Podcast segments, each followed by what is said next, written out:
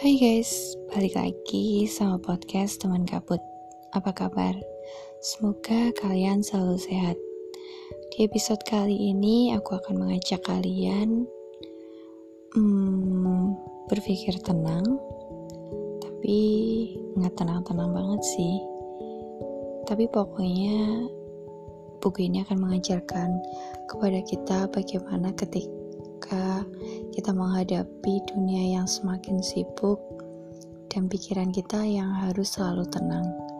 Buku dengan judul The Things You Can See Only When You Slow Down How to Be Calm in a Busy World.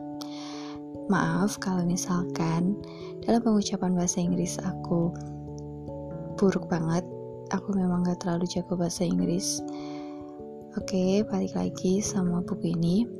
Buku ini uh, banyak berseliweran di sosial media dan kata orang-orang sih buku ini merupakan salah satu buku yang wajib dibaca di tengah hiruk pikuk dunia yang makin ya seperti kalian tahu melelahkan.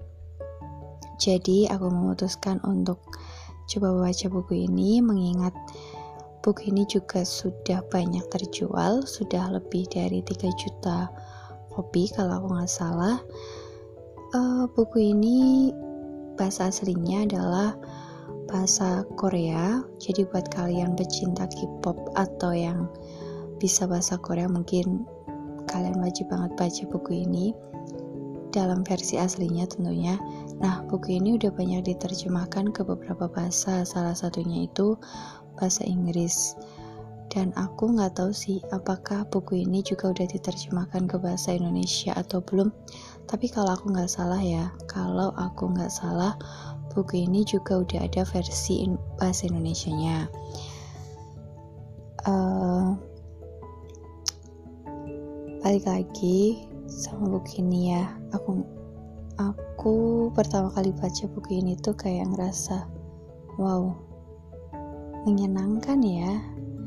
Buku ini merupakan karya dari Bapak Haimin Sunim yang merupakan seorang biksu asal Korea Selatan.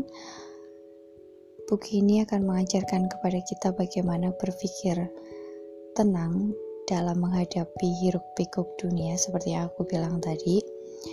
Buku ini terdiri dari 8 chapter, di mana tiap chapternya selalu dibuka dengan kisah pengalaman hidup seorang Pak Haimin Sunim, baik semasa beliau uh, melaksanakan pendidikan, beliau kecil hingga beliau mengajar, seperti itu. Buku ini akan mengajarkan kepada kita bagaimana menjalani hidup terutama yang berkaitan dengan diri kita, bagaimana kita mengelola pikiran kita, bagaimana kita mengelola emosi kita, dan buku ini akan mengajarkan kepada kita bagaimana cara atau bagaimana apa ya hmm, menjalani hubungan dengan orang lain. Atau ibaratnya hablum minanas seperti itu Buku ini akan mengajarkan kepada kita bagaimana menghadapi kegagalan, bagaimana memaafkan kesalahan orang lain, hingga bagaimana kita menjalani kehidupan spiritual kita terlepas dari apa pun agama yang kita peluk. Nah, buku ini juga berisi quote-quote cantik dan juga ilustrasi yang menyenangkan. Jadi nggak ada bosannya buat baca buku ini karena ilustrasinya yang menarik, Terus buat kalian pecinta quote-quote yang menyenangkan, buku ini cocok banget buat kalian.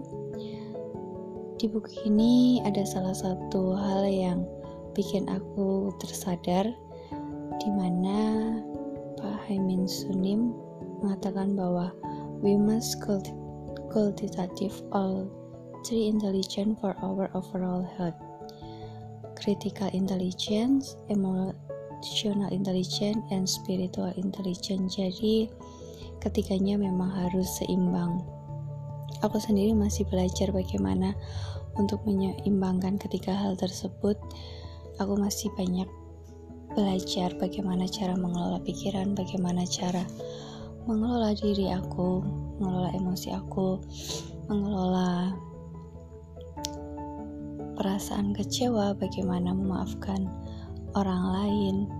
Masih banyak hal yang harus aku pelajari, terutama tentang diri aku dan dunia. Jadi, memang buku ini cocok banget buat orang-orang seperti aku yang masih masih harus banyak memahami diri sendiri dan juga orang lain. Oke, sekian episode uh, podcast hari ini. Terima kasih sudah mendengarkan dan semoga kalian gak pernah bosan buat dengerin podcast teman gabut. Tetap jaga kesehatan. See you.